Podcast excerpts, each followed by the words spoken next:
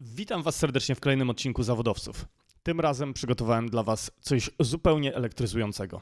Z moim gościem Lechem Kaniukiem, prezesem zarządzającym spółki iTaxi, rozmawiam nie tylko o przyszłości komunikacji, ale także o pierwszej Tesli w Polsce, którą możecie zamówić w najnowszej aplikacji iTaxi 3.0.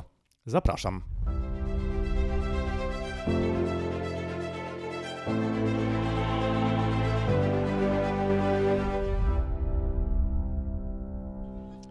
Witam Cię, Lechu. Witam, cześć Karol. Witam, to jest nasze kolejne spotkanie e, w zawodowcach. Bardzo mi miło, że e, możemy rozmawiać jeszcze raz. A mi również bardzo miło. Super. Lechu, przede wszystkim bardzo dziękuję e, za zaproszenie na premierę taksówkarskiej Tesli w Polsce. No, jesteśmy bardzo podekscytowani. Lechu, zanim przejdziemy do samej Tesli, czy mógłbyś mi powiedzieć, jak wygląda obecnie status iTaxi jako firmy i aplikacji na tle innych konkurentów w Polsce? Mamy nasz szerszy zasięg geograficzny w Polsce. Jesteśmy ogólnie w 150 miastach dostępni. Ok- Oczywiście największe miasta są najważniejsze, tam mamy najlepszą dostępność. E, Jeśli chodzi o też nasz profil, to nasz profil jest też e, bardziej biznesowy, czyli my e, e, rozwijamy bardzo dużo usług dla biznesu, wchodzimy na lotniska, dworce i to jest coś, co e, żadna aplikacja e, e, taksi w tej chwili e, nie ma, nie robi. E, Więc pod tym względem my budujemy e, e, du, do, dobrą jakość, duży zasięg dla biznesu, punkty ważne dla biznesu, no i też wchodzimy w elektryki bardzo mocno. Tesla jest trochę symbolem takim tej naszej nowoczesności, naszej nowej aplikacji, nasz nowy kierunek. Aczkolwiek już mamy e, kilkadziesiąt elektrycznych samochodów na naszej platformie, e, więc to jest tylko początek, ale uważam, że bardzo dobry początek. Jasne, gratuluję przede wszystkim. Lechu, zanim przejdziemy m, do rozmowy o waszej flocie aut elektrycznych, interesuje mnie to, dlaczego Uber traci na popularności. E, I ponieważ na początku był straszny hype na, na tą aplikację, na tą usługę, ale z czasem sam widzę po sobie, że e, zbieram informacje takie od różnych kierowców, korzystając na przykład z waszej aplikacji, że wcześniej pracowali dla Ubera, obecnie e, przenoszą się czy do MyTaxi, czy do iTaxi. Jak sądzisz, skąd to wynika? I skąd na przykład e, sytuacja w Kalifornii, w której jeżdżenie Uberem staje się passé? No, wydaje mi się, że ten początkowy hype wynikał z wielu różnych rzeczy. Raz, że y, odeszli jakby od taksi, które jednak jest tradycyjne bardzo, ma jakąś zaszłość taką historyczną, jakąś percepcję e, e, też e, u, u, u ludzi.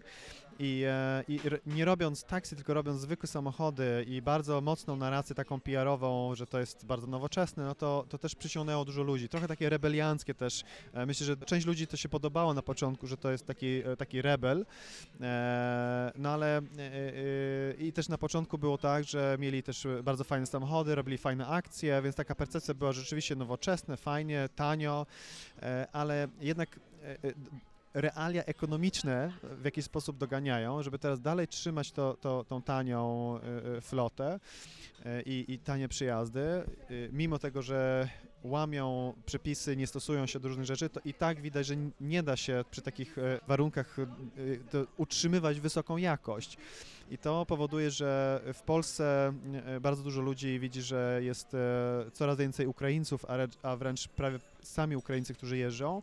I to nie chodzi o to, że jest jakiś awers w stosunku do Ukraińców, tylko chodzi o to, że to są osoby, które nie rozmawiają po polsku. Jest, jest problem z komunikacją. Przyjeżdżają e, też, e, e, żeby zarobić pieniądze, trochę inaczej po prostu pracują. Te samochody też nie, nie da się utrzymać w wysokiej jakości i standardzie, więc też flota cały czas jest jakby degradowana, jakby, więc ta, ta ekonomika po prostu dogania rze, rzeczywistość, realność, gdzie firma nie jest w stanie, mimo miliardy dolarów, to nie jest w stanie, żeby tego utrzymywać. I wydaje mi się, że po prostu to powoduje, że ta utrata jakości powoduje, że ludzie jednak tego nie do końca chcą, prawda? No my, my staramy się właśnie iść w drugą stronę, że my chcemy podnosić jakość i iść w nowoczesne auta jak, jak Tesla i tak dalej, e, e, żeby może nie kierować się do użytkowników, którzy się zastanawiają między tramwajem e, czy metrem a, a przejazdem, a raczej ci, którzy chcą bezpiecznie przejechać się w dobrze jakościowym samochodzie z dobrym jakościowym kierowcą. Lechu, czy mógłbyś opowiedzieć o waszej flocie? Jak to teraz wygląda? I również w kontekście aut elektrycznych, o których wspomniałeś. Mamy ogólnie dostęp do e, 10 tysięcy aut w całej Polsce. Współpracujemy z innymi korporacjami. W, w aplikacji mamy kilka tysięcy aut, które są zalogowane. Jeśli chodzi o elektryki, y, w, w co e, my chcemy wejść i moim zdaniem docelowo każde auto powinno być elektryczne, to jest trochę także to się stanie, ale chcielibyśmy to przyspieszyć. E, ale jesteśmy rzeczywiście na, na, na, na, dużym początku. Poza Warszawą elektrycznych aut jest bardzo, bardzo mało. W Warszawie mamy kilkadziesiąt aut, no i mamy pierwszą Teslę e, e, w Polsce jako taksi. Mam nadzieję, że w tym roku się pojawi dużo więcej. Muszę zadać Ci to pytanie, czy posiadanie Tesli się opłaca we flocie? Tak, zobaczymy, to też trzeba powiedzieć szczerze, że to jest eksperyment pewien gdzie my zobaczymy, jeżdżąc w stawce 2,40 za 2,40 za kilometr, ta ekonomika jest, jest słaba.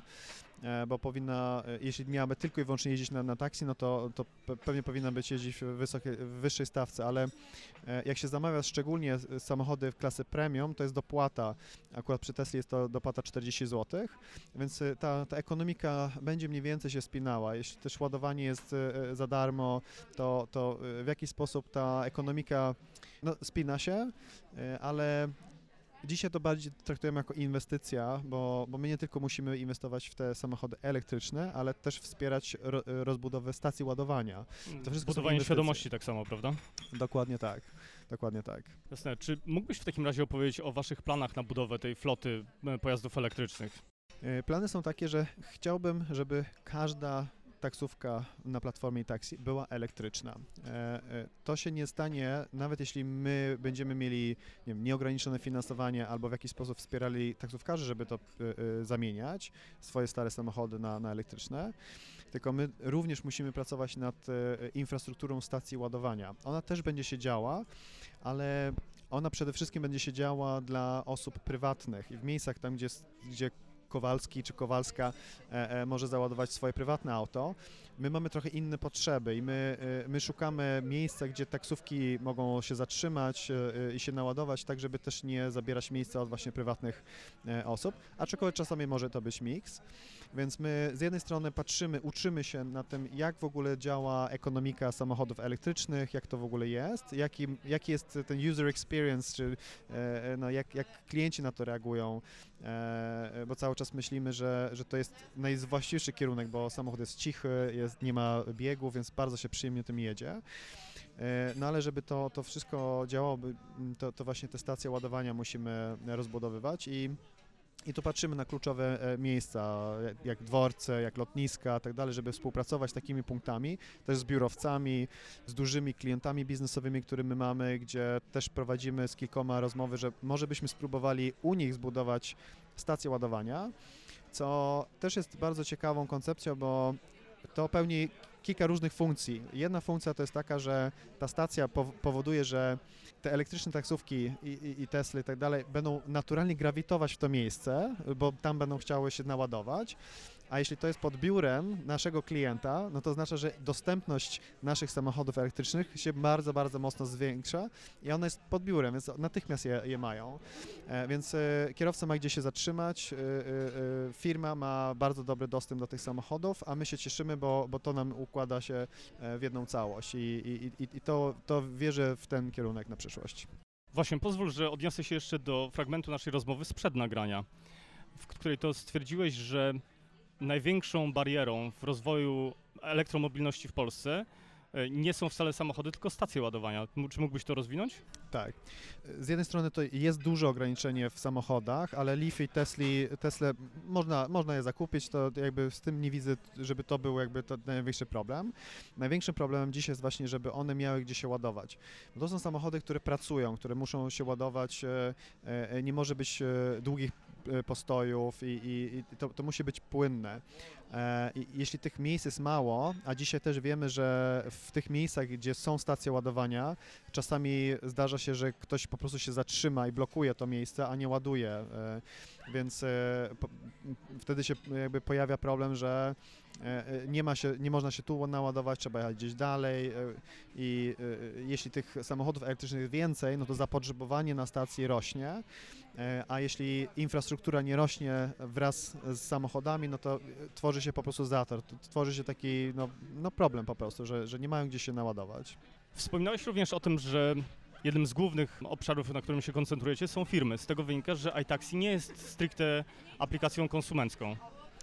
E, Oczywiście konsumenci też e, korzystają z tego, e, ale mamy profil bardziej biznesowy. To oznacza, że my robimy dużo różnych rozwiązań dla biznesu, dla dużego, dużych firm, gdzie chcą rozliczać przyjazdy mm, swoich pracowników, to, to mamy bardzo, bardzo wygodne e, systemy do rozliczania tych przyjazdów. Jeśli ktoś musi na przykład na projekty rozliczać e, e, swoje przy, przyjazdy i jest to consulting, który ma kilkaset na przykład e, konsultantów czy pracowników, którzy jeżdżą, to po każdym kursie zakończonym klika w aplikacji, e, na jaki projekt to, ten przejazd ma być zrobiony i później jak my wystawiamy e, fakturę, to e, administrator i dział finansowy dostaje e, pełen raport, już rozpisany każdy przejazd na każdy MPEG czy tam projekt, co oznacza, że żaden e, pracownik nie musi później na świskach pisać, czy w panelach gdzieś wpisywać, gdzie, na kogo to był taki przejazd. E, no oczywiście tam mamy bardzo, bardzo dużo innych możliwości. Integrujemy nasze systemy z systemami księgowymi, żeby już nawet, e, e, nawet jakby samo księgowanie było zautomatyzowane, więc e, bardzo dużo dla biznesu robimy. Też właśnie te e, kluczowe miejsca jak e, e, lotniska i, dworce to też jest dostępu, które, które budujemy po- pod, pod biznes. E, Ale oczywiście aplikacja działa zawsze też dla konsumenta i My wierzymy w to, że jeśli y, y, zrobimy usługę, gdzie biznes to lubi, no to można jednym kliknięciem w aplikacji się przełączyć na profil prywatny i korzystać z tej samej floty. Mam teraz pytanie, nie wiem czy do końca wygodne. Z góry przepraszam, ale chciałbym się zapytać o um, i ich e, partnership e, z Mercedesem. Jak to oceniasz i w jaki sposób wy planujecie w, również wzmacniać swoją flotę? E, No tak, to, to, to jest tak, że e, nawet Daimler, czyli Mercedes jest e, właścicielem w ogóle całego MyTaxi, co, co nie jest unikatowe, bo jeśli zobaczymy na Ubera, na Didi, a Didi, który inwestuje we wszystkie inne aplikacje, mamy Geta, to wszystkie duże międzynarodowe aplikacje do zamawiania taksówek, to w każdej jest zainwestowany jakiś duży producent samochodowy albo nawet kilka. Więc e, e, Daimler to, to jedno, w Gecie mamy Volkswagena, e, e, no mamy e, e, GM, Forda, jakby każdy już w to zainwestował, chyba tylko BMW nie zainwestował w to. E, BMW inwestuje w car sharing, tam inni też w car sharing, więc e, e, widać ogólnie e, to, że w przyszłości producenci samochodowi rozumieją, że sprzedaż samochodów do prywatnych osób nie jest tym biznesem, który w przyszłości będzie działał, bo zamawianie y, y, on demand swoją taksówkę w przyszłości wierząc w to, że jeszcze one będą autonomiczne, więc w ogóle już to będzie bardzo wygodne, zoptymalizowane, no to, to po co ja mam kupić samochód, jeśli po mieście po prostu to jest dużo wygodniejsze, a jak potrzebuję gdzieś dalej pojechać, duże zakupy czy coś, to jeśli tego mi nie przywiozą, a raczej większość e-commerce'u mi i tak wszystko przywiezie, nawet zakupy jedzeniowe, no ale powiedzmy, że chcę, e, chcę pojechać albo na wakacje jakimś samochodem, to car sharing albo nawet wynajem krótkoterminowy już jest tak też dostępny, więc tracimy po prostu sens kupowania na własność ten, ten e, samochód. I dlatego producenci samochodowi inwestują właśnie w te branże, w te firmy, e, więc dla mnie to jest nawet naturalne, że, ta, że tak jest. My jako polska spółka jesteśmy trochę za mali, żeby na przykład BMW nas zainwestował, czy tam inny e, e, producent samochodowy, ale mam nadzieję, że wkrótce będą jakieś newsy, gdzie też będziemy mieć partnershipów, też bardzo, bardzo mocnych i też no, ciekawych, a jeszcze dzisiaj nie jestem w stanie, żeby tego zdradzić. Jasne, trzymam kciuki w takim razie, Lechu. Mam teraz pytanie mm, dotyczące przyszłości. Bo na dobrą sprawę dotykamy tej przyszłości, tak? Jeździliśmy dzisiaj y, Teslą po Warszawie. Mm. Gdybyś miał opisać przyszłość w kategorii roku, trzech i powiedzmy 10 lat, to e, jak rysuje się ten transport i jak rysuje się przyszłość twojej firmy? E, W ciągu roku e, wejdziemy w więcej kluczowych punktów jak lotniska i dworce. E, W ciągu roku pojawi się więcej aut elektrycznych. To cały czas moim zdaniem będzie dużo doświadczeń, dużo e, e, będziemy rodzić rzeczy, projektów w bólach, ale, ale, ale to będzie jakby ważne do tego, żeby iść do przodu. W perspektywie trzyletnim, no to zobaczymy, że już e, inne marki samochodowe też już będą miały duże samochody z bardzo dużym zasięgiem, które też się nadają na taksi, więc oprócz Tesla i Leafy, to zobaczymy, że będą i Mercedesy, e, i, i Volvo, i jakieś i Toyoty i tak dalej, więc e, e, w ogóle gama tych samochodów będzie więcej, stacja ładowania się pojawi więcej, więc ogólnie elektryfikacja, jakby tak byśmy nazwali, no to to będzie dominujące. Myślę, że w perspektywie e, może roku, ale ale, ale, ale raczej bym powiedział w ciągu trzech lat, no to i taksi powinno już być e, e, też poza Polską e, ze swoją obecnością. A w ciągu 10 lat to wszystkie samochody są elektryczne, wszystkie taksówki. Mamy wszystkie dworce, mamy wszystkie lotniska i mamy super usługę transportową dla biznesu. A za 10 lat kierowcami taksówek są ludzie? Tak. Za 10 lat to, to, to zdecydowanie tak. Myślę, że 10-15 lat to może już zaczniemy widzieć więcej tej autonomiczności. Klasa premium pewnie zawsze będzie kierowca, no bo to jest jakby wartość dodaną do tej usługi, ale e, myślę, że każdy się zdziwi, jak szybko autonomiczne pojazdy się pojawią. Wróćmy jeszcze do e, waszej Tesli. Czy jazda Teslą kosztuje tyle samo, co z normalnym samochodem w iTaxi? E, Tak, stawka jest 2,40, to jest bardzo powszechna stawka w ogóle w, w Warszawie. A patrząc w ogóle na stawki poza, poza Warszawą, no to to jest nawet bardzo tanio, więc e, jak najbardziej. To, to, to jest zwykła stawka, jeśli trafi mi się w aplikacji, no to 2,40 płacę za kilometr. E, jeśli specjalnie ją chcę zamówić i, i dzwoniąc na nasz, nasz call center i rezerwując ją, no to jest dopłata 40 zł, ale cały czas stawka 2,40 za kilometr. Jasne, czyli mogę zamówić sobie dokładnie Teslę, tak? Znaczy, jeżeli jest tylko dostępna, e, mogę jechać Teslą. Tak jest, można z wyprzedzeniem zamówić, że chcę konkretnie Teslę na ten adres o tej o tej godzinie. E, Czy mógłbym również ją prowadzić? prowadzić nie. prowadzić nie. Lechu, kiedy samochody elektryczne mogą kosztować mniej? E, myślę, że w perspektywie roku one już będą kosztowały mniej. E, może nieznacznie. Myślę, że największa różnica w ciągu roku będzie zasięg, e, czyli taki Leaf, który dzisiaj ma powiedzmy 200-300 km zasięgu, albo Tesla 500. E, To myślę, że w ciągu roku te Leafy pojawią się, które będą miały 500 km, a Tesla, które będą miały ponad 1000 km e, zasięgu na jednym ładowaniu. E, Więc to myślę, że to, to będzie się szybko zmieniało. E, W ciągu dwóch, trzech lat, no to w, to, to, to w ciągu dwóch lat myślę, że już e, gama innych samochodów na taksi elektryk będzie duża. Jesteście właśnie po premierze iTaxi 3.0. Czy mógłbyś powiedzieć, e, jakie improvementy wprowadziliście w, w stosunku do poprzedniej wersji? Tak, i Taxi 3.0, no to tak nazywamy naszą nową aplikację dla pasażera. Ona graficznie się bardzo mocno zmieniła właśnie przy, przy tym nowym releasie. Wiele zmian robiliśmy tak krok po kroku, żeby nie zrobić duży szok. Y, Porównując ze starą aplikacją, to ona jest de facto odchudzona. Odchudziliśmy, było bardzo dużo funkcjonalności, które ludzie nie korzystali, była, było tak dużo rzeczy, że czasami nie było łatwo, żeby się ją posługiwać. E, Dzisiaj ona jest dużo łatwiejsza, przyjemniejsza w, e, w obsłudze e, i, i bardzo prosta, e, e, prosta i przejrzysta po prostu. E, To, co jest nowością, które nie było wcześniej, to jest e, cichy przejazd, czyli można w swoich ustawieniach ustawić cichy przejazd i to oznacza, że kierowca ma ściszyć e, e, muzykę, żeby nie była głośna, no i też jakby nie, nie zachęcać do, do, do rozmowy, tak żebyśmy my mogli, nie wiem, odpocząć po podróży lot, lotu, czy e, e, przygotowywać się na, na jakieś spotkanie, albo prowadzić e, rozmowy telefoniczne, albo tylko siedzieć i, i, i myśleć o przyszłości. Lechu, w takim razie trzymam kciuki za rozwój waszej aplikacji i firmy w tym i w najbliższych latach. Bardzo serdecznie dziękuję, że przyjąłeś zaproszenie do zawodowców i Dziękuję. mam nadzieję, że to nie nasze ostatnie spotkanie. Na pewno nie. Dzięki. Dziękuję serdecznie.